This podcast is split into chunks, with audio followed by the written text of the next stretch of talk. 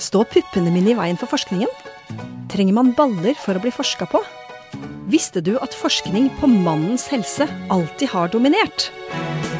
Sanitetskvinnene vet at vi ikke løser kvinnehelsemysterier ved å forske på menn.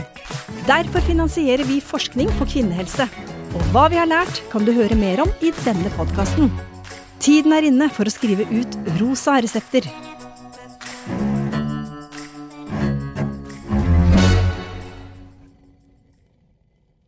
Da ønsker vi velkommen til episode to i Rosa resept, og i dag så skal vi snakke om adenomyose.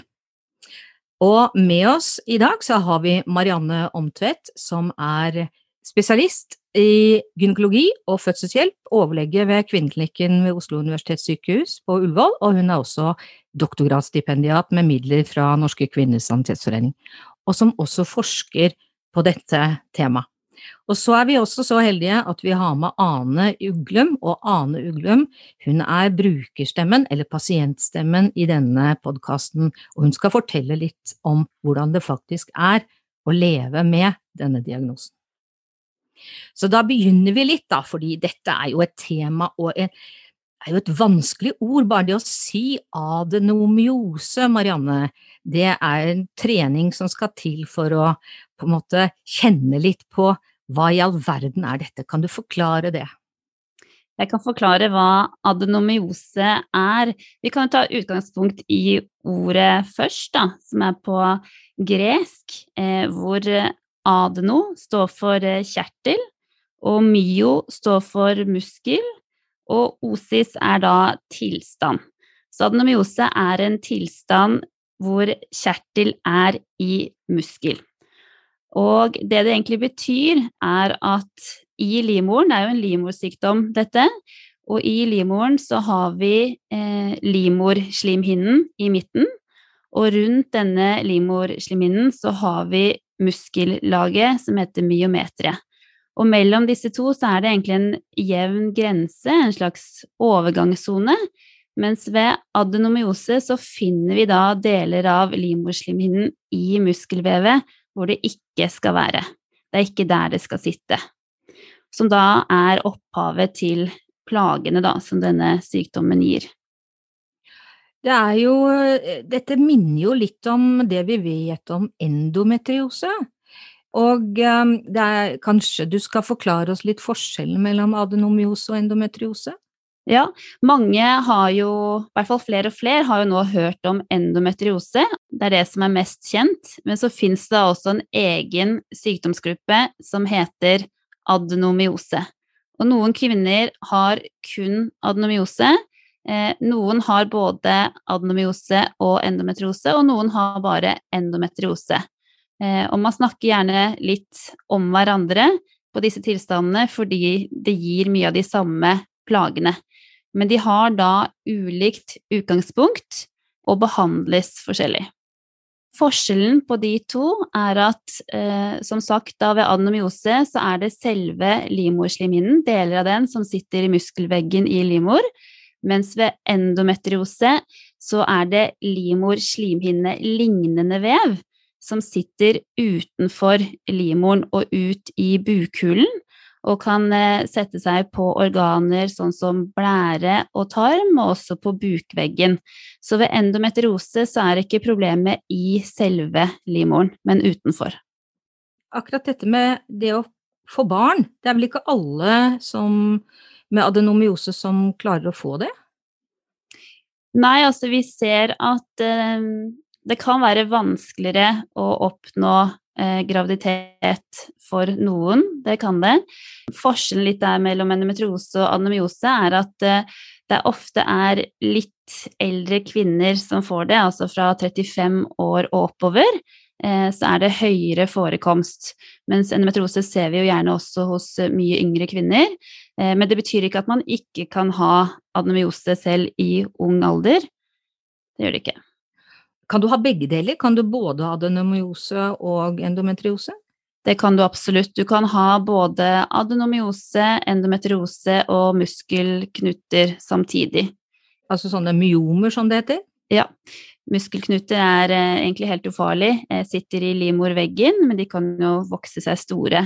Eh, og disse tre tilstandene de gir jo mye av de samme plagene, med store menstruasjonsblødninger, menstruasjonssmerter, kan gi kroniske bekkensmerter, irritasjon av blæra, smerte ved samleie.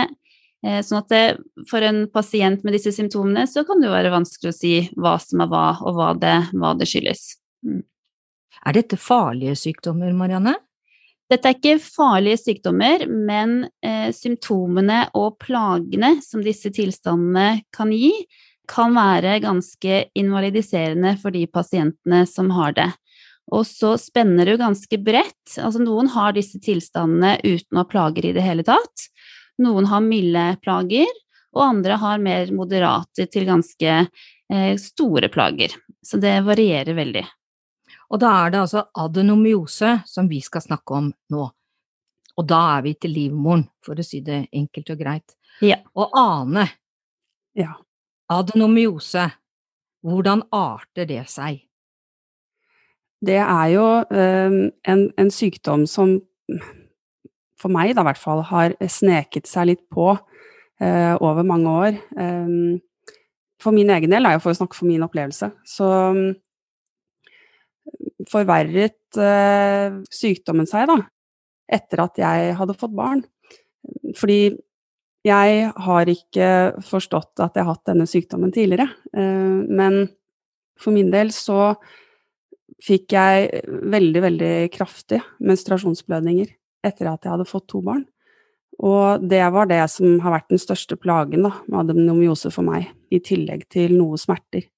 Men disse kraftige menstruasjonsblødningene har jo fått ganske store konsekvenser da, for mitt liv. Jeg visste jo ikke at jeg hadde det, og det er jo også en del av utfordringen rundt dette her med adenomyose, at det tar så lang tid å diagnostisere det.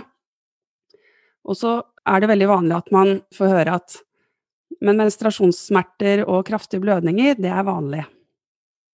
Og det var eh, For meg, da, så, så hadde jeg såpass kraftige blødninger at jeg eh, fikk jernmangel etter hvert, og jernmangelanemi. Og det ble så ille til slutt at jeg ble sliten av å gå opp og ned trappene i hjemmet mitt. Og det er klart at når man da har en, en full jobb, eh, man har familie, man eh, skal helst ha litt overskudd til et sosialt liv også, så, så mm, går det ikke rundt til slutt, da, rett og slett. Så før, eh, tidligere, da, eh, i mitt unge liv, så var jeg kjent for å være Duracell-kaninen som alltid inviterte til sosiale festligheter. Jeg var høyt og lavt hele tiden, jeg var med på ting, jeg bidro masse, jeg jobbet hardt. Ehm, men etter hvert som denne sykdommen fikk utvikle seg, eh, så ble det jo mindre og mindre av disse tingene, fordi jeg orket ikke alt sammen til slutt. Så det var jo store konsekvenser i livet mitt, at jeg klarte delvis å gå på jobben, men så måtte jeg gå og legge meg da jeg kom hjem. For da hadde jeg ikke mer å gi. Og det førte jo til at barna mine begynte å spørre meg mamma, hvorfor er du alltid så sliten? Hvorfor må du alltid legge deg og sove? Og det gjør veldig vondt i morshjertet. Og når jeg vet hvem jeg er, energisk, eh, sosial, så vil jo jeg at barna mine skal bli kjent med den jeg er, og ikke den syke mammaen. Hva gjorde du da, når du skjønte at dette liksom ikke var helt eh, vanlig, og ikke, kanskje ikke helt normalt? Jeg skjønte jo det ikke helt heller til å begynne med. Og det er jo en del av utfordringen, for vi lever i et samfunn hvor man får høre at dette er vanlig. Sånn er det å være kvinne. Og så var det litt tilfeldig at jeg så et innslag på God morgen Norge på TV 2 hvor eh, overlege Jenny Alvirovic, som også jobber på kvinneklinikken på Ullevål sykehus som eh, overlege, eh, hadde en pasienthistorie på God morgen Norge med en dame som hadde operert bort livmoren sin pga. adenomyose. Nei, unnskyld, endiometrose. Og da var det ganske mange likhetstrekk med de utfordringene jeg opplevde i min hverdag med den sykdommen. Og da begynte jeg å undersøke litt. Og da, da begynte jeg å stille spørsmålet hm, kan det være at jeg har endometrose? Så da, da, tok jeg kontakt med, med lege og, ja, for å prøve å finne ut av dette her, da. Og da er vi jo litt også da tilbake igjen til dette med hvordan vi skal finne ut at man har adenomyose, da. Fordi i og med at du med din historie brukte såpass lang tid til å på en måte både forstå eh, kanskje at ikke dette var sånn det skulle være, og hvordan kan jeg finne ut av hva er det som feiler meg, ikke sant. Og det blir jo rett over til egentlig Marianne da i forhold til dette med diagnosen, ikke sant. Hvordan finner man ut av diagnosen? Hvordan finner man ut at man har adenomyose? Mm. Da tar man jo utgangspunkt i de symptomene som eh, kvinnen da har, som ofte er da store blødninger, menstruasjonssmerter, eh, kroniske bekkenplager. Eh, ofte så ser vi at dette er plager som pasientene har hatt over veldig, veldig lang tid. Og det da som skjer, er at når denne livmorslimhinnen eh, setter seg på feil sted i muskelveggen, så kan vi eh, på ultralyd se på en måte konsekvensen av at dette har stått over tid, i form av at muskelveggen bl.a. blir eh, tykkere, man kan få en litt mer rundere form, eh, men vi har ikke helt konkrete tegn som sier at ok, men nå ser vi på adenomyose. Og det er jo en del av den forskningen som jeg nå driver med, eh, hvor vi eh, tester ut en modell som på en måte beregner sannsynligheten for at det er adenomyose vi ser eller ikke. Hvor vi også tar i bruk 3D-ultralyd eh, for å se på forandringer i denne overgangssonen. Men det kreves jo da et trenet øye, og at man vet hva man skal se etter. Så dette er jo kunnskap vi håper at vi får god bruk for, og som også andre gynekologer og behandlere kan bruke senere, som vil gjøre det lettere eh, å gi pasientene en diagnose da. Og akkurat sånn som Ane sier, så når disse kvinnene tar eh, kontakt med fastlege og eventuelt da videre henvises til gynekolog, så er dette symptomer som ofte minner om endometriose. At det er kanskje den utredningen som gjøres først. Eh, med samme symptomer, og man gjør en ultralyd. Det er ikke sikkert man ser så mye på den ultralyden, men gitt at man har forsøkt eh, medikamentell behandling uten særlig effekt, så er jo da neste steg for mange en kikkhullsoperasjon når det gjelder endometriose. Og det som kan skje da, er jo at eh, av de vi gjør en kikkhullsoperasjon på, så er det jo ikke alle disse som har endometriose, hvor vi da finner normale forhold inne i buken. Og så er det jo sånn at adenomyose vil vi jo ikke se eh, ved å titte inn i buken. Adenomyose må vi fange opp på ultralyd i forkant. Du kan kanskje se at formen på livmoren er litt rund, men det er jo helt uspesifikt. Så det er klart at noen av disse pasientene som da ikke har endometriose, de har kanskje adenomyose i stedet. Var det det som skjedde med deg, Anne? Var det det at du ble operert, og så så de at du ikke hadde endometriose, men du hadde adenomyose? Nei, min vei var litt annerledes. Jeg eh, fortalte i stad at jeg hadde veldig kraftige blødninger. Mm. Og eh, jeg endte på legevakten eh, fordi jeg hadde så kraftige blødninger. Så der måtte det De måtte hjelpe meg å stoppe blødningene der ved en, en hendelse. Og eh, da ble jeg jo undersøkt av gynekolog, men adenomyosen ble ikke fanget opp på lokalsykehuset. Så Ehm, det som var min vei inn i det, var at eh, jeg eh, ble forsøkte først, da, fordi at man kan også forsøke det, Da det ble mistanke om at jeg hadde adenomyose, så forsøkte man en hormonell behandling. For det er det mange som forsøker først. For det er ganske dramatisk å gå rett inn med en operasjon og fjerne livmor. Da forsøkte jeg p-piller, eh, eller minipiller, for å se om det kunne hjelpe på blødningsmengden, og redusere den. I tillegg så fikk jeg en medisin som heter psykoklapron, som også skal da minske blødningene når det er på det, på det kraftigste. Og det fungerte greit i noen måneder, og så eh, fungerte ikke det så godt for meg lenger. Det kan også være en, et forsøk å, å, sette inn en hormonspiral, og det uh, er også en behandling som kan hjelpe for mange Det hjalp ikke for meg, det heller.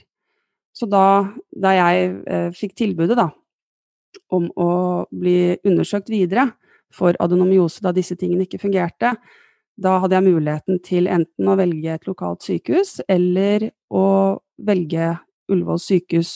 Og da valgte jeg Ullevål sykehus, hvor jeg vet at de har spisskompetanse på dette. Fordi jeg følte at det var det riktig for meg å gjøre. Eh, hvor de satt med spisskompetansen, sånn at jeg fikk best mulig behandling da, og vurdering. Og da var det jeg kom i kontakt med både Vibeke og Marianne, og også Tina Tellum, som eh, jobber med denne kalkulatoren da, for å utrede om man har adenomyose med 3D-ultralyd. Eh, mm. Ja, det høres jo som det ble valgt her sånne klassiske intro i forhold til behandling av endometriose, da, som du var gjennom før du mm. på en måte kom videre i denne, i denne prosessen til å finne ut hva som egentlig eh, feilte deg. Ja, så jeg måtte jo Det var jo på Ullevål sykehus at jeg ble diagnostisert med adenomyose til mm. slutt. Mm. Og da var det ganske tydelig at jeg eh, hadde da valg, når jeg hadde forsøkt alle disse andre metodene, om jeg da ønsket en endelig behandling med å fjerne livmoren.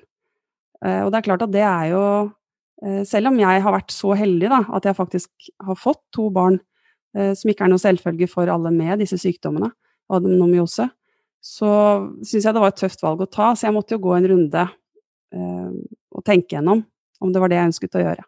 Det var en ganske tøff prosess. Det forstår jeg. Vi skal komme litt tilbake igjen til akkurat dette med hvordan, hvordan, du føler deg etter å ha fjernet livmoren, for å si det sånn, fordi det er jo på en måte en behandling da som man kan gjøre i forhold til adenomyose. Men Marianne, eh, det å diagnostisere adenomyosen eh, og forskningen rundt dette og den lenken som da linken som ligger mellom det du gjør nå og Tina Tellum, for nå eh, nevnte jo Ane Tina Tellum. Og Tina Tellum eh, er jo en av disse forskerne i, i eh, Norske kvinners sanitetsforenings eh, forskningsportefølje, som har også forsket på adenomyose.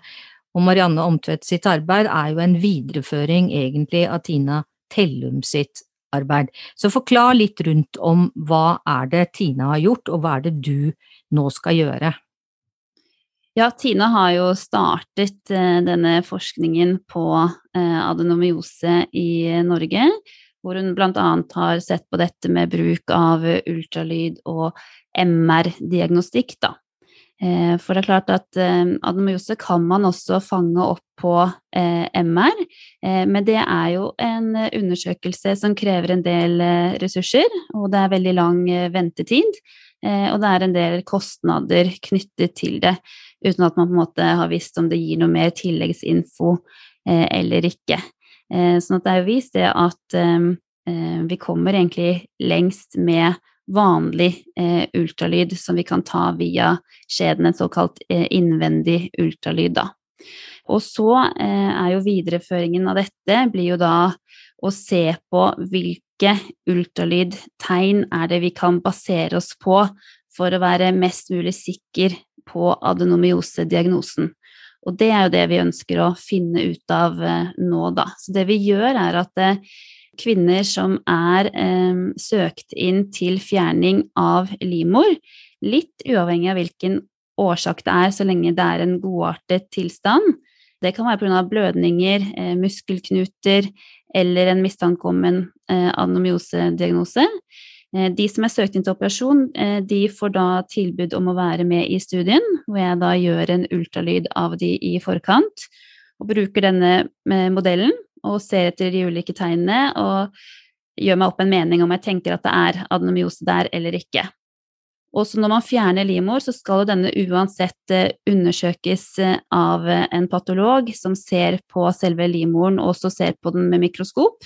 Og da vil man kunne få en eh, sikker diagnose. Så da får jeg jo da svaret på om det jeg så på på ultralyd, stemmer overens med det som faktisk ble funnet i livmoren, da. Og så er det jo sånn som vi var inne på, at man kan jo ha flere ting samtidig. Og eksempel en kvinne som da har eh, muskelknuter, også kalt myomer, hvis det, la oss si at det er hovedproblemet, så kan det godt være at eh, det er et tilleggsfunn av adenomyose også i den livmoren, uten at nødvendigvis det har vært hovedproblemet for pasienten. Så for noen er nok dette også et tilfeldig funn, men så ser vi også motsatt at det kan være uttalt adenomyose i en livmor hvor man kanskje ikke ultralydmessig eller klinisk har hatt mistanke om akkurat det, men at pasienten er såpass plaget at hun er søkt inn til fjerning av livmor, og så får man da diagnosen i etterkant og forklaringen på hvorfor man har hatt så mye plager, da. Mm. Men uh, dette med å fjerne livmoren, det gjør man jo ikke bare på Ullevål. Eh, vil regne med at det er flere sykehus som er involvert i denne studien din? Ja, det er helt riktig. Eh, den studien som vi holder på med nå, der er det fem ulike sykehus som er med. Sånn at det er både Tønsberg, og så er det jo Ullevål, og så er det Ahus og St. Olavs, og så er det et eh, sykehus eh, i Turku i Finland. I Turku også? Ja. ja. Det har litt med hvilke kontakter man har og interesse for eh, feltet. Ja. Sånn at det her er det Tina som har startet opp. Sånn at målet er jo å få 500 pasienter, og for å få til det så må vi samarbeide. Og være flere som inkluderer. Mm. Hvor, hvor langt har du kommet nå? Hvor mange er det du har inkludert i studien din da? Jeg inkluderte nummer 154 på tirsdag. Mm. Du har mål av deg at du skal komme opp i 500? Jeg skal ikke ha 500 alene, jeg skal ha minst 200. Eh, du skal ha minst 200, ja. Jeg er ganske godt i, godt i rute. Ja. Mm. Mm. Og de andre pasientene, da? Hvem er det som skal ha ansvar for de? Det er eh, kollegaer som da eh, jobber på de respektive sykehusene, overleger der, med også interesse for, for feltet. Mm. No, hva er målet egentlig da, knyttet opp til prosjektet, doktorgradsprosjektet ditt? Hva er målet?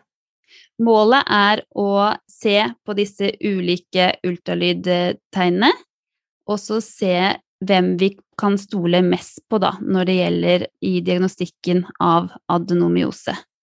Eh, for det finnes flere ulike tegn, og noen er uspesifikke, noen er mer spesifikke. Og så ønsker vi da å se en eh, sammenheng mellom de ulike tegnene og når det faktisk er adenomyose. Og dette vil jo kunne gjøre det lettere i diagnostikken senere. Også for andre. Ja, og da tenker vi diagnostikken egentlig ikke bare da på Ullevål, men at dette skal hjelpe egentlig diagnose Altså at det er et diagnoseverktøy, da. Rett og slett. Som kan brukes, som kan brukes egentlig over hele Norge, og da også kanskje internasjonalt, da. Absolutt, for det her er jo en eh, kalkulator som vi egentlig kaller det, eller et diagnoseverktøy. Og tanken da er jo, hvis denne modellen er god nok, Eh, når vi får testet den, at den skal kunne brukes av alle klinikere og gynekologer, og det kan være både nasjonalt og internasjonalt.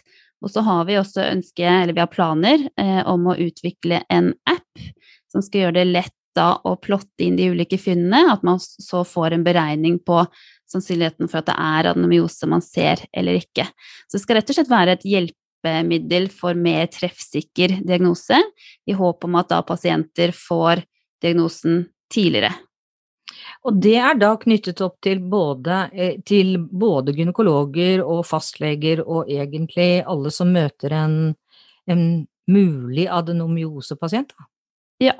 Jeg tenker for fastleger så er det tenker jeg at informasjonen rundt selve sykdommen og det å tenke på at den eksisterer, at det er noe som heter adenomyose, og vite når man skal henvise videre til en eh, spesialist da, for videre vurdering. Og så er det da en gynekolog som ville kunne ta i bruk denne modellen videre, da. Hvor mange er det vi snakker om som, som lider eh, av dette, da? Det har vi ikke sikre tall på, eh, men det er jo gjort en studie hvor man ser på de kvinnene som kommer med ulike problemstillinger til en gynekologisk poliklinikk, hvor man da har vurdert eh, de med ultralyd og funnet tegn til adenomyose hos ca. 20 da.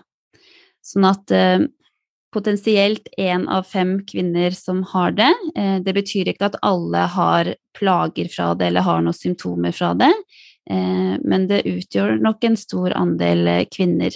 Mm. For jeg har i hvert fall lest at det kan være opp mot 35% som har adenomyose, som i utgangspunktet ikke har noen plager i det hele tatt. Det er helt riktig. Mm. Sånn at det kan være et bifunn, eh, litt sånn som jeg nevnte, man kan ha andre, andre tilstander, f.eks. endometriose, muskelknuter, og så er kanskje adenomyosen et bifunn, eller at man har kun adenomyose og ingen plager fra det. Og det samme gjelder jo for endometriose.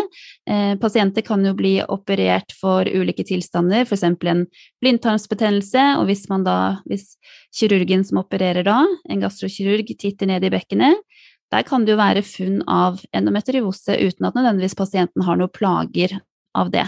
Og da skal det jo heller ikke eh, opereres eller fjernes. Og det er jo vel veldig viktig her at vi kommer inn tidlig, er det ikke det, med, med hensyn til diagnose? Altså, for det kan vel bare utvikle seg, dette her? Dette vil kunne utvikle seg, og det har litt med hvordan eh, adenomyosen på en måte oppstår eh, og forverrer eh, seg, da. Sånn at eh, vi får jo ikke fjernet adenomyosen helt hvis vi ikke fjerner livmor, men for veldig mange så er jo ikke det et alternativ. Det her er unge kvinner eh, med, og mange med framtidig barneønske, så vi kan ikke bare fjerne livmor på disse. Og da blir behandlingen i første omgang medikamentell behandling, eh, hvor førstevalget er en hormonspiral. Eh, og tanken bak en hormonspiral, en spiral, den sitter jo inne i livmorhulen og virker på livmorslimhinnen, sånn at den nærmest blir helt tynn. Og de fleste mister jo menstruasjonen helt ved bruk av en hormonspiral. Eh, og det vil jo da for mange anomyosepasienter føre til at de får mye mindre blødninger, og at livmoren, som er en muskel, jobber bedre og sånn sett gir mindre smerter. Så det er på en måte ønsket med den eh, medikamentelle behandlingen. Og den tenker jeg man bør, bare bør komme i gang med så raskt som mulig, hvis det er sånn at man har plager som er utenfor normalen. Og akkurat det der er jo et viktig poeng, fordi akkurat som Ane sier, så er det jo mange kvinner som har fått høre at det er helt normalt å ha sterke menstruasjonssmerter og store blødninger, og at det er bare noe man må leve med. Mm. Eh, men det er klart det fins jo medikamenter, både spiral, p-piller, som kan dempe disse symptomene kraftig. Og kommer man tidlig inn der, så vil det også kunne hjelpe. Mm. Eh, men så er det også litt sånn, vi, ikke, vi, vet jo ikke sikkert hvorfor adenomyose oppstår, men hovedhypotesen der er jo at man får en skade i det indre muskellaget eh, i livmoren mellom da overgangen mellom livmorslimhinne og muskellaget, som gjør at den skaden som sitter der, gjør at livmorslimhinnen plasserer seg feil. Og den skaden kan jo da oppstå som følge f.eks. av keisersnitt, altså ved et kirurgisk inngrep, eller ved utskrapning etter en abort eller fødsel. Og så mistenker man jo også at bare det å gå gravid ved utvikling av morkaka og fødsel i seg selv, det vi kaller for fysiologiske årsaker, altså mer naturlige årsaker, at det også um, At det er en sammenheng der, da. Og det stemmer jo også overens med at vi ser økende forekomst hos kvinner over 35, for de har jo typisk da vært igjennom litt mer enn jenter i 20-årene i form av graviditeter, fødsler, utskrapninger osv.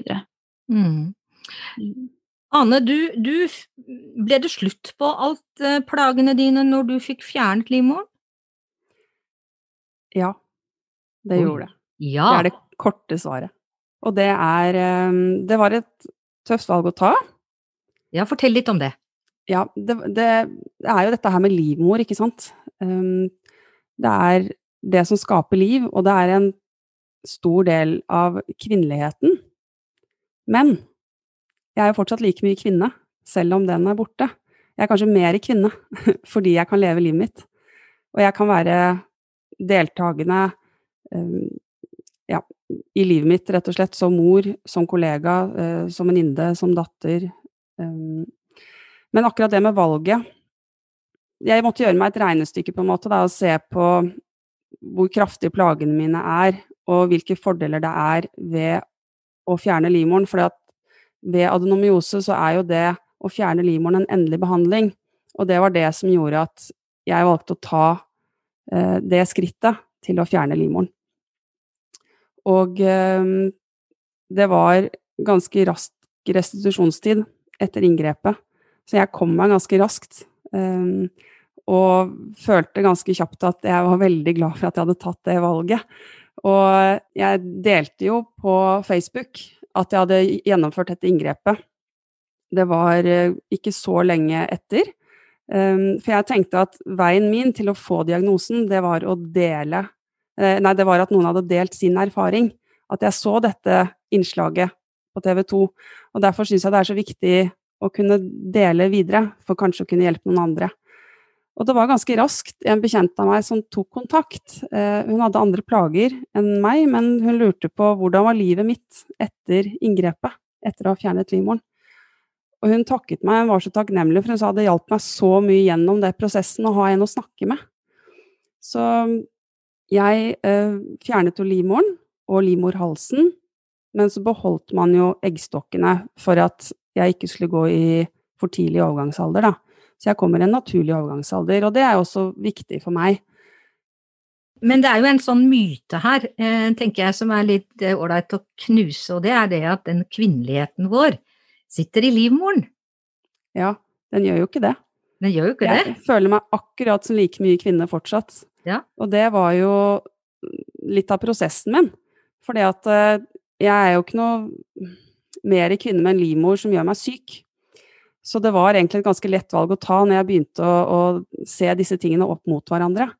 Og jeg hadde tatt det samme valget igjen, og jeg er strålende fornøyd. Jeg, det er sikkert mange spørsmål rundt dette, men jeg har ingen blødninger lenger, da. Jeg har ikke menstruasjon lenger. Og det har jo også ført til at, at jernlagrene mine, sakte, men sikkert, og det tar tid, men sakte, men sikkert så er de på vei opp, og nå løper jeg i trappene, og jeg jobber 100% og jeg kan være deltakende i barnas liv og på fritidsaktiviteter, og i tillegg har jeg overskudd til å være sosial på egen hånd. så det mm. er eh, Jeg har fått tilbake livet mitt, rett og slett. Og det er jo kjempeviktig erfaring å kunne fortelle andre om.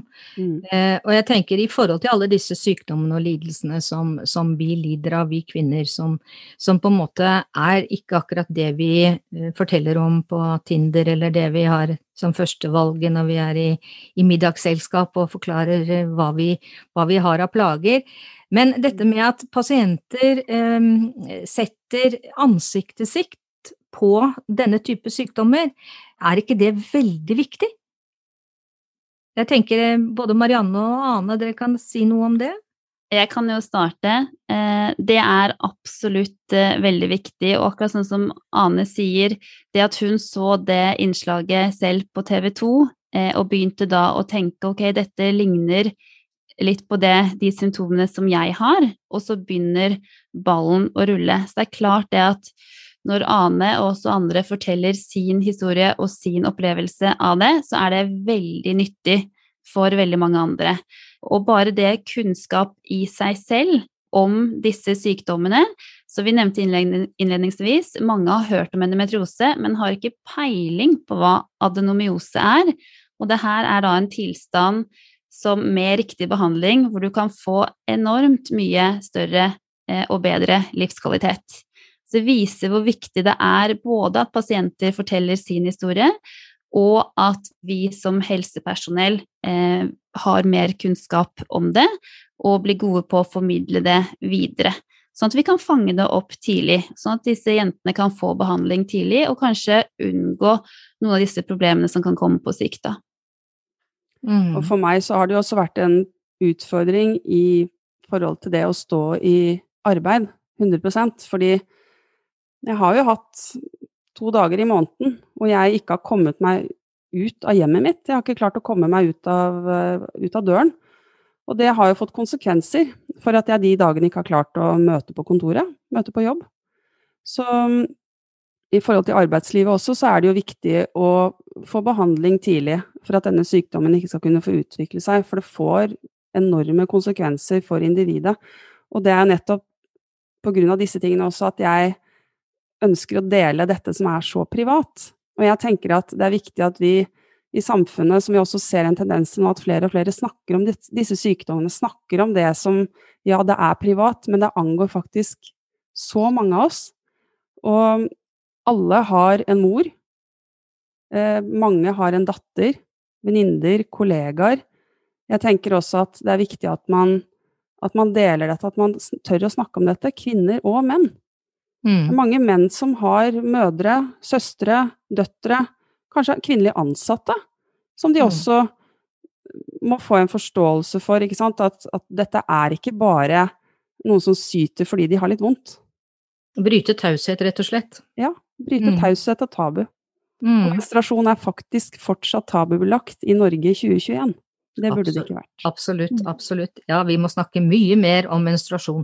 Vi må snakke om menstruasjon, vi må snakke om overgangsalder. Det er mange, mange temaer som vi kvinner naturlig går igjennom, som vi i utgangspunktet bør eh, snakke om, og ikke minst knuse myter om. Mm. Men eh, hvordan har mannen din tatt dette her da, Anne? Ja, det er også en del av, av denne pakken, ikke sant, med at, eh, at, mamma er sliten. For det er klart at det er mye som har falt på mannen min i, i familielogistikken, da. Så han har jo også vært blitt lei av å høre av at, uh, at jeg er trøtt og sliten og må gå og legge meg. Men han har uh, holdt ut. Og der er jeg Jeg kan jo si at jeg er heldig, for det er ikke en selvfølge. Det er ikke alle som holder ut. Det tar i gjennomsnitt syv år å få denne diagnosen. Det er mye som faller på en annen part. Mm. Det må jeg innrømme. Men han er veldig glad for å se at jeg er på vei tilbake. Og det, det gagner jo hele familien, uh, i tillegg til meg selv. Det... Og han er vel ikke så veldig opptatt om kvinneligheten er i livmoren? Nei, han, han, vi er ferdig så, med barn, så han, eh, han, opplever meg like mye som kvinne. Uh, absolutt, altså. Det er um, Ja, det gjør han. Helt klart. Ja, eh, eh, du sa at her, Anna, at det tar eh, syv år, og det er vel omtrent der vi sier også når det gjelder endometriose, Marianne, at det tar Du skal slite ned mange venteværelsesstoler på legekontor før du på en måte blir tatt alvorlig. Og det tenker jeg også er et veldig viktig element i disse sykdommene. Dette med at når, når du kommer til fastlegen din og vet at du har en menstruasjon som er veldig, veldig kraftig, og de hadde moren din også, ikke sant? Og, og dette med å mø bli møtt med at nei da, det her er helt vanlig, gå hjem og ta deg to Paracet og legg deg på sofaen. Og så blir du borte fra skole, så blir du borte fra gym, så blir du borte fra studier og arbeidsliv etter hvert. Fordi dette tar over livet ditt. Mm. Og hva skal vi gjøre da? Hva skal vi gjøre, Marianne, i forhold til En ting er da, hva skal vi gjøre med, med En ting er at vi gjør nå da dette med det, dette verktøyet i forhold til at man skal faktisk finne ut at det er det du lider av, og at du skal øke kompetansen rundt, eh, rundt omkring i Norge eh, i forhold til at gynekologer også har kompetanse til å forstå hva dette her er. Men hva trenger vi mer? Altså, aller først så trenger vi økt kunnskap om det generelt i eh, befolkningen, og det gjelder både eh, kvinner og menn. At man må forstå forskjellen på hva som er vanlige menstruasjonssmerter, eh, som på en måte kan håndteres med litt Paracet og Ibux, og så går du på jobb, og så går du på skole, eh, og så går det greit, og når det på en måte er for mye. Ikke sant? Der må man eh, Det må mye mer tydelig kommunikasjon på når er det for mye, rett og slett. Eh, sånn at man kan få tidligere hjelp. Og da er det også om å gjøre når da disse kvinnene oppsøker fastlege Eh, at man blir tatt på alvor, eh, og at man blir møtt av en som forstår og kjenner igjen disse plagene. Eh, og man får startet riktig behandling tidlig, og blir videre henvist når det er aktuelt. Sånn at der gjør jo bl.a. Endometrioseforeningen en kjempejobb med å spre eh, viktig informasjon. Og så har vi også Sanitetskvinnene som bevilger midler til forskning på dette. Eh, for det er ikke til å legge skjul på at det er jo ikke mye forskning på kvinnehelse generelt, og spesielt ikke disse tilstandene. Og for å få til det, så trengs det jo også økonomiske midler. Og det kan ikke bare styres av eh, frivillige organisasjoner, det må også opp på et politisk plan, og hvor man på en måte prioriterer kvinnehelse mye høyere enn det har blitt gjort til nå, da. Mm. Det er det som trengs, mer forskning. Altså vi, vi kan mye om adenomyose og også endometriose, men det er også veldig mye vi ikke vet, og som vi ikke har svar på ennå. Og der trengs det mer forskning til, rett og slett. Mm. Det er jo også noe som vi sanitetskvinnene ser behov for. Ikke bare det at vi selv prioriterer forskning innenfor det som ingen andre ser, men vi også ser behovet for å øke eh, og, og, trykke på offentlig bevilgning til denne type forskning på disse typer lidelsene og sykdommene. Og det er jo noe som vi også nå løfter inn i den nye offentlige utredningen som skal gjøres på kvinners helse. Og det er, eh, er, et veldig viktig arbeid. Vi får stå på barrikadene for, eh, for oss kvinner. Dette er mange det gjelder. Hva koster det samfunnet, f.eks.? Nei, det koster masse. Eh, det er jo gjort studier, i hvert fall på endometriose, hva den økonomiske byrden er. Og da er det gjerne en Man sier gjerne at to tredjedeler går jo på dette her med eh, sykefravær og det å ikke kunne være i arbeid, eh, mens en tredjedel går på dette med selve behandlingen, da, både medikamentell og kirurgi og innleggelser og disse tingene. Og det er klart at kostnaden blir jo også stor når det er snakk om en pasientgruppe eh, hvor det er snakk om unge mennesker, altså unge, i utgangspunktet friske kvinner som har et ønske om å være i full jobb klarer å sjonglere familieliv, eh, jobb, privat, eh, men som blir satt helt ut av drift pga. disse plagene. Det er klart det at dette koster eh, milliarder av kroner. Mm. Og det er jo noe som vi må også ta med oss, at det vi trenger norske tall, egentlig, i forhold til hva dette koster. Det er mange, mange lidelser som vi ikke vet egentlig den samfunnsøkonomiske konsekvensen av. Og det tenker jeg er viktig her, for vi lener oss hele tiden til svenske tall når det gjelder f.eks. endometriose, da. Og her må vi også ha norske tall. Det mm. finnes vel ikke så veldig mange behandlingssteder for det her, eller trenger vi nasjonale sentra for, um, for de vanskeligste tilfellene? For de vanskeligste tilfellene så er nok det hensiktsmessig, og at vi får samlet ekspertisen og eh, behandlingsmulighetene. Du nevnte det også litt tidligere med tanke på hvor man kan få behandling for dette. Eh, og det, både når det gjelder adenomyose og endometriose, så følges det opp og behandles på lokalsykehus over hele Norge. Eh, men så er det klart det at det spenner ganske vidt med plager og spesielt av endometriose, hvor det også kan være påvirkning av tarm, blære og ikke bare bekkenveggen. Og da begynner vi å snakke om ganske avansert eh, kirurgi med potensielt store eh, komplikasjoner. Og der tenker man at det er eh, viktig at vi får utviklet faggruppe som er på en måte spesialisert på nettopp dette. Da. Også når man snakker om et endometriosesenter eh, eller et nasjonalt senter for adenomyose og endometriose, eh, så går ikke bare det på det kirurgtekniske, eh, det går jo også på formidling av kunnskap, det å dele kunnskap i fagmiljøet generelt. Sånn at det vil jo på en måte alle kunne dra nytte av. Så da snakker vi både kunnskap, kompetanse og behandling. Fordi de veldig konkrete, eh, eh, utfordrende tilfellene, da, for å si det sånn. Ja. Og ikke minst det her med å drive forskningen osv. tenker jeg er viktig aspekt ved et sånt senter. Hva tror du om det, Anne? Jeg tror det er kjempeviktig. Eh, for å samle kompetansen og bygge kompetansen, og for at de viktigste, eller de, de kraftigste tilfellene, da, mest alvorlige tilfellene skal få eh, riktig behandling og god behandling og oppfølging og føle seg trygge, så har jeg stor tro på et sånt senter. Det var en grunn selv til at jeg valgte kvinneklinikken på Ullevål, nettopp mm. av det. Mm. Det er jo det også et arbeid som Sanitetskvinnene eh, også mener er viktig, da, i forhold til at vi må ha et eh, nasjonalt senter for, for dette.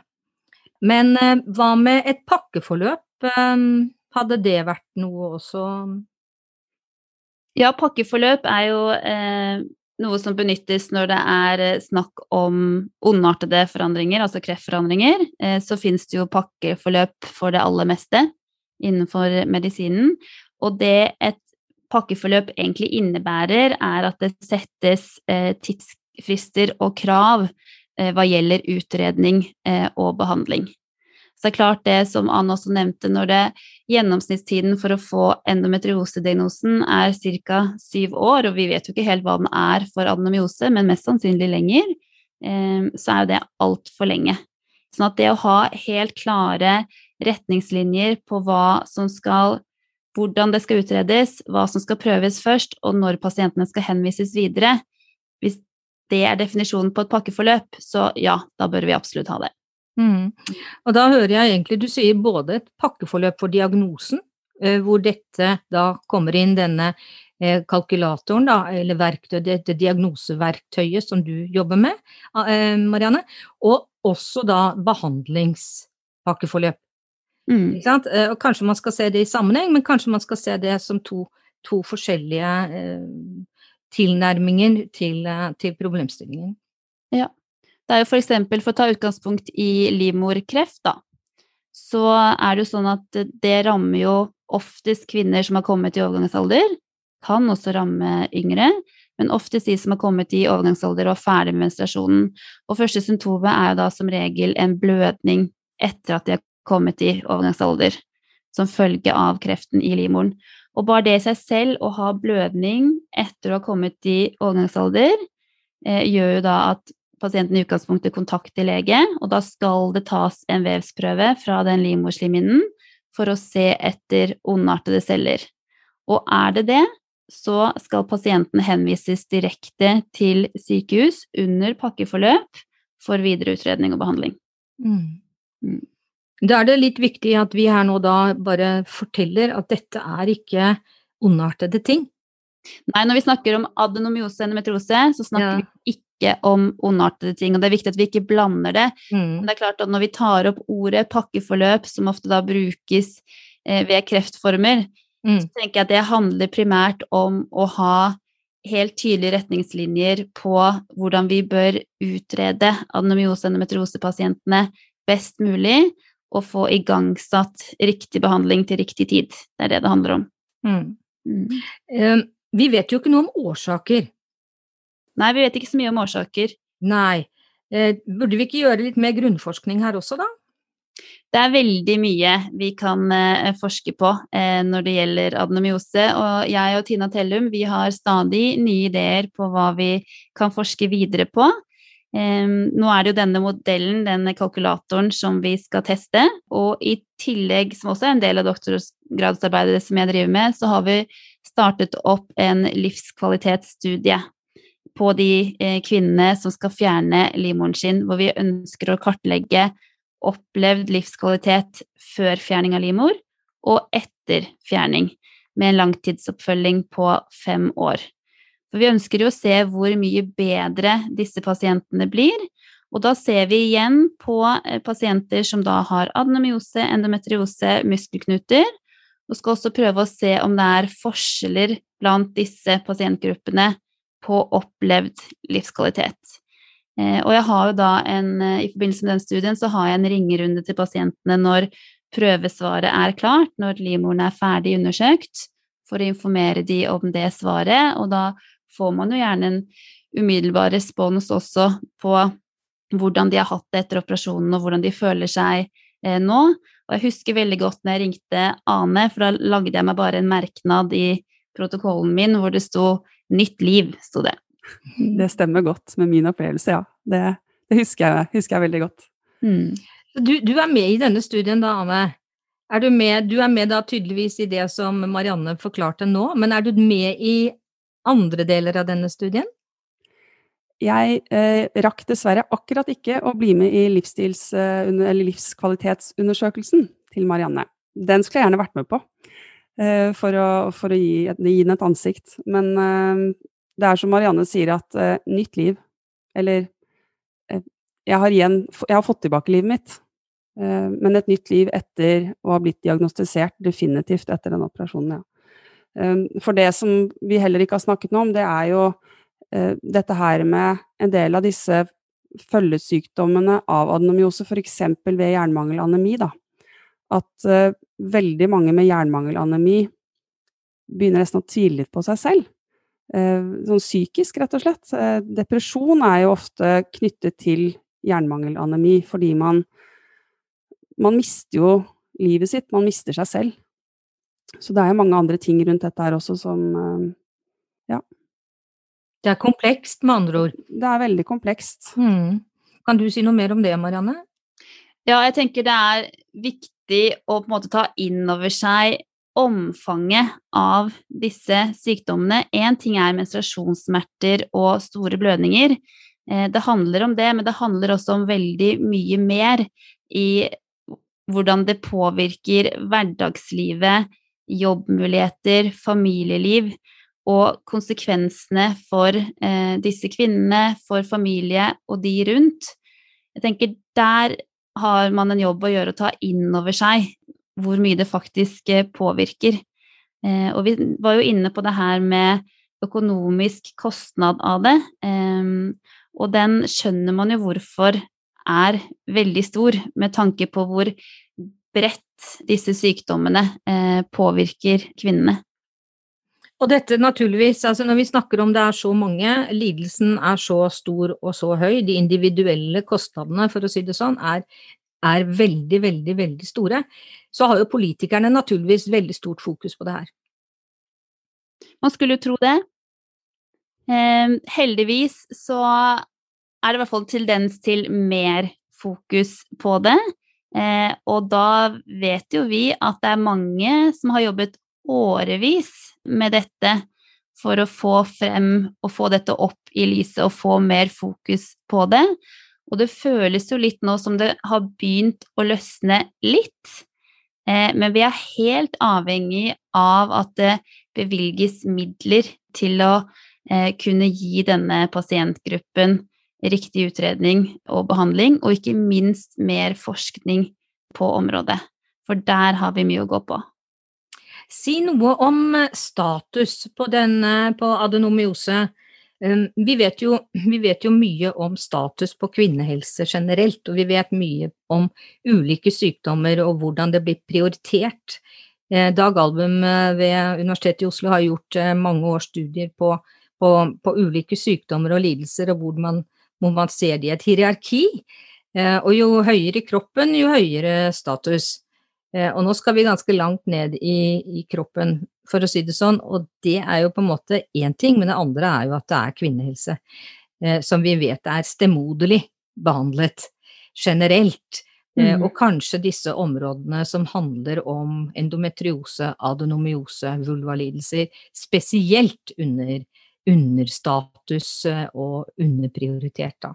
Ja. Eh, men hvordan opplever du, Marianne, at fagmiljøene, altså legene, de som vil forske, eh, er det en økende entusiasme rundt, rundt dette? Ja, altså jeg jobber jo med dette eh, daglig, så jeg har jo adenomyose nesten på, på hjernen. Men, eh, men eh, så i fagmiljøet så er det jo veldig fokus på det. Og jeg opplever også at eh, en ting er at vi har flere ansikter eh, på pasienter med disse diagnosene, men jeg opplever også at flere i fagmiljøet, både ledere, overleger, er mer ute i media og snakker høyt om dette, eh, og sier ifra hva som trengs. Og det tenker jeg også er viktig. Igjen så er det gjort studier, de er fra bl.a. USA, som da har sett på kostnaden av eh, endometriose. Og da kan man jo sammenligne den gruppen med pasienter med adenomyose endometriose eh, med pasientgruppen med diabetes og mer kroniske eh, sykdommer og revmatologiske lidelser. Og vi vet jo at den pasientgruppen er veldig stor, og den består jo både av kvinner og menn. Mens både adenomyose og endometriose er det jo kun kvinner som får men like mange. Mm. Dette med å, å, fortelle, Ane, eh, dette med å sette, sette, sitt ansikt og tørre å sette sitt ansikt eh, og fortelle hvordan, hvordan dette oppleves, hvordan det tar over livet ditt, og hva er det vi egentlig snakker om, er kjempeviktig. Ja, det er det, og det var jo det som gjorde at det var starten på slutten med adenomyose for meg. At jeg faktisk eh, så en Eller fikk høre en, en historie da, om en som hadde disse, den en av disse lidelsene. Mm. Eh, og da tenker jeg at eh, det er viktig for meg at jeg kan fortelle det videre. Sånn at jeg kanskje kan hjelpe én, da. Hvis jeg kan hjelpe en annen, så er det verdt det. Mm. Kanskje jeg kan hjelpe flere òg. Og det er derfor jeg velger å, å fortelle min historie, da. Mm. Mm. Og det håper jeg, håper jeg flere gjør. Ja. Det er eh, Ja, det er litt eh, skummelt å ta bladet fra munnen, men når man først har gjort det, så blir det veldig godt mottatt. Det er ikke så farlig å snakke om det. Mm. Og det er viktig. Veldig viktig. Og, og, noe av det som traff meg da jeg så den pasienthistorien, det var at ø, overlegen, ø, som da er ekspert på endiometrose, hun sa at menstruasjonen skal ikke forringe livskvaliteten din. Og det var litt sånn aha-opplevelse for meg at nei, selvfølgelig ikke. Det skal jo ikke det. Kan, den, kan, det være sånn at den ikke skal gjøre det? Begynte jeg å stille spørsmål da. Så det ja. Det er viktig å snakke om det. Helt klart. Det er viktig å snakke om det. Det er viktig å forske. Det er viktig å få opp kompetanse og kunnskap rundt mm. disse sykdommene.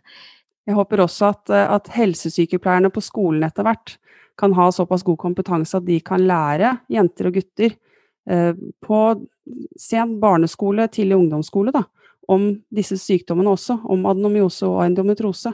Sånn at de sitter med kunnskapen den dagen man kanskje begynner å lure på selv, da. Mm. Man har noen av disse plagene. Et viktig innspill. Kan vi se noe av det, eh, konsekvenser av det, Marianne, i forhold til det arbeidet som du gjør nå. Så jeg, tenker på kompetanse til andre grupper. Dette kan vi, kan vi, på en måte få ut noe her som kan bygge kompetanse på helsesykepleiere, jordmødre kanskje, fastleger? Absolutt. Um, både det forskningsarbeidet som jeg gjør, og som eh, Tina har gjort, og også som gjøres ellers eh, i landet på, på, dette, alt det tenker jeg Eh, er viktig for å spre kunnskap om adenomyose og endometriose. Gynekologene eh, i Norge de har jo årlig et årsmøte eh, hvert år i oktober, som i år skal være i Tønsberg. Og der pleier FUGO, som da er Foreningen for utdanningskandidater i gynekologi og obstetrikk, de har årlig et forkurs for leger i spesialisering. Der jeg har sittet i det styret, og det vi har utarbeidet for eh, i år, det er jo da eh, heldag med temaet adenomyose og endometriose. Sånn at det, det, skjer mye med kunnskapsformidlingen, og det må skje i alle ledd. Både fastleger, helsesykepleiere, gynekologer, og også generelt i befolkningen. Sånn at man klarer å reagere på når symptomene er for plagsomme og ikke. For det jeg tror skjer, eller det jeg vet skjer, er at mange kvinner som har gått med disse plagene i mange, mange år, de har lagt til seg en livsstil som på en måte passer med sykdommen. Når du har store blødninger, når du har sterke smerter, så lærer du deg på en måte å leve med det, tilpasse deg det. Eh, du avstår fra å takke ja til middager fordi at det kan bli vanskelig. Eh, du mister noen dager på jobb hver måned fordi du ligger hjemme og er syk. Du vet hvor nærmeste toalett er hele tiden. Du går med de største bindene du har i veska. Sånn at det, eh, for veldig mange så tar det litt over livet, og alt handler egentlig om det, bortsett fra at det er ingen som vet det. Fordi at de har ikke snakket om det, Eh, og mange, selv i nærmeste vennekrets og familie, vet kanskje ikke at man har disse plagene engang. Så jeg tenker det er derfor det er så viktig at det snakkes om, og at det er rom for at dette blir snakket om, og at det blir tatt på alvor. Mm. Jeg kan jo bekrefte, Marianne, at dette er hensyn jeg har tatt selv ja. i min hverdag. Mm. mm. Det, som, det, som, Marianne fortalte om nå, Anne, i forhold til at du ikke du takket ja til selskap og den type ting? Mm. Ja, det stemmer. At sykdommen tok over livet ditt? Den tok over livet mitt, ja. Og det var den som styrte hva jeg kunne gjøre og ikke kunne gjøre, rett og slett. Og jeg merker jo når eh, i forbindelse med den studien som vi leder nå med eh, valideringen av dette diagnoseverktøyet, så snakker jeg jo med alle disse pasientene. Eh, og jeg merker jo en enorm takknemlighet fra deres side på at det gjøres forskning på dette. Og de aller fleste eh, ønsker jo å være med, alle ønsker å bidra, og mange bidrar også da ved å være med i, eh, i studien. Så det er jo en veldig takknemlig jobb, dette, å få lov til eh, å jobbe med dette på fulltid, og forhåpentligvis gjøre en forskjell for disse kvinnene på sikt det er veldig ufarlig å være med i denne forskningen. Man føler seg veldig veldig godt ivaretatt, og kanskje enda bedre ivaretatt enn hvis man ikke hadde vært med en del av det forskningsprosjektet. Så jeg vil bare oppfordre alle som har muligheten til å, til å bli med. Og det er jo et generell fin oppfordring, dette med at brukere nå er medvirker i forskningsprosjektene mye sterkere enn tidligere og at det også er krav til medvirkning her. Og her var vel også, så vidt jeg husker, Endometrioseforeningen involvert i forhold til utvikling av selve prosjektet til Marianne, eh, og selve forskningsprotokollen. Så det er, eh, det er viktig eh, at vi, at, vi med, at, vi, har med, pasientstemmen og brukerne i, i forskning. Er det, vi, er det, noe vi, ikke har snakket om som, som dere har lyst til å dele med oss? Jeg vil jo bare, når du nevner Endometroseforeningen, si at det er også foreningen for de som har adenomyose. Det er viktig ja, å få med seg. Veldig viktig. Mm. Er det noen andre tips til, eh, til leger, til gynekologer, eh, når de møter en kvinne som har disse plagene?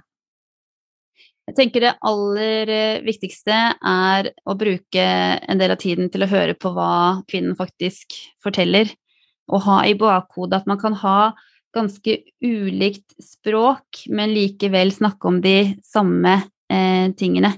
Det fins veldig mange ulike symptomer og plager, og så gjelder det å ha i bakhodet om det kan være snakk om adenomyose og endometriose.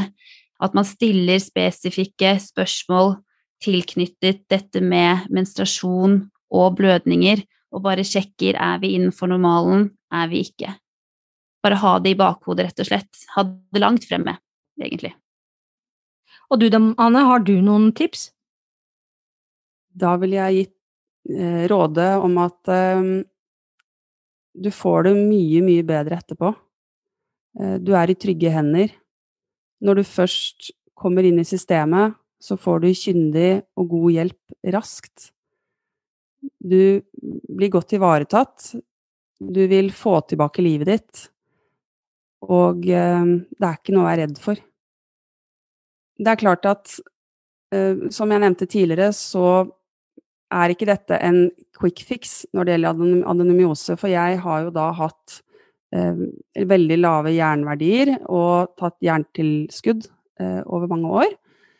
Men sakte, men sikkert så, så, bygger dette seg opp. Sånn at for de rundt så er det viktig å fortelle og minne dem på at ja, jeg er mye, mye bedre, men jeg er fortsatt ikke helt i mål, og det tar litt tid. Så det er noe med å være litt tålmodig og, og, og gi seg selv eh, litt slack, da. Eh, og litt tid. Og eh,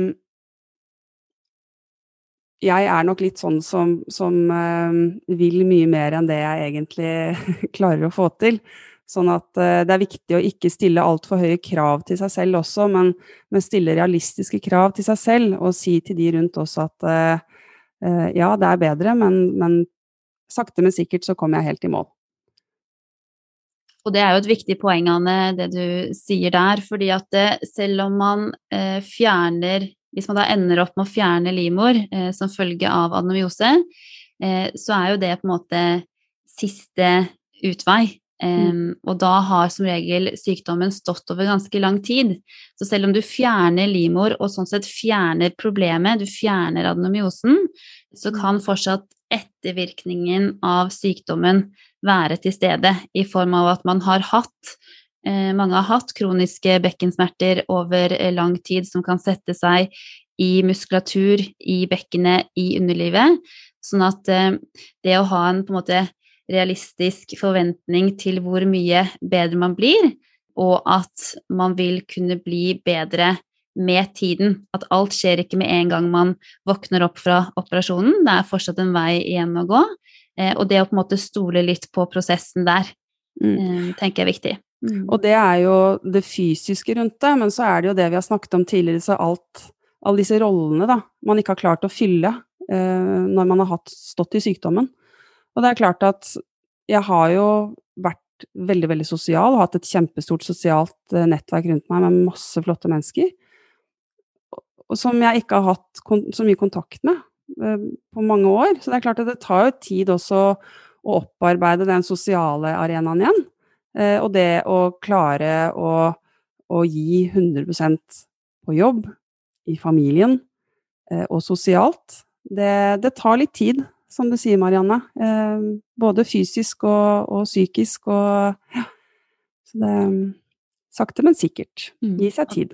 Og du er på god vei, tenker jeg. Jeg er på veldig god vei, og jeg Mm. merker jo kjempeforskjell. Og, og bare det at, at jeg, jeg kan velge nå, ikke sykdommen. Nå kan jeg velge hva jeg ønsker å være med på. Ikke hvilke dager jeg har muligheten, men ja. Nå kan jeg ta valg. Styre mitt eget liv igjen. Det er godt. Det er, det er kanskje en av de største gavene. Jeg kjenner på en, en lykke nå. Den derre Jeg er født livsglad.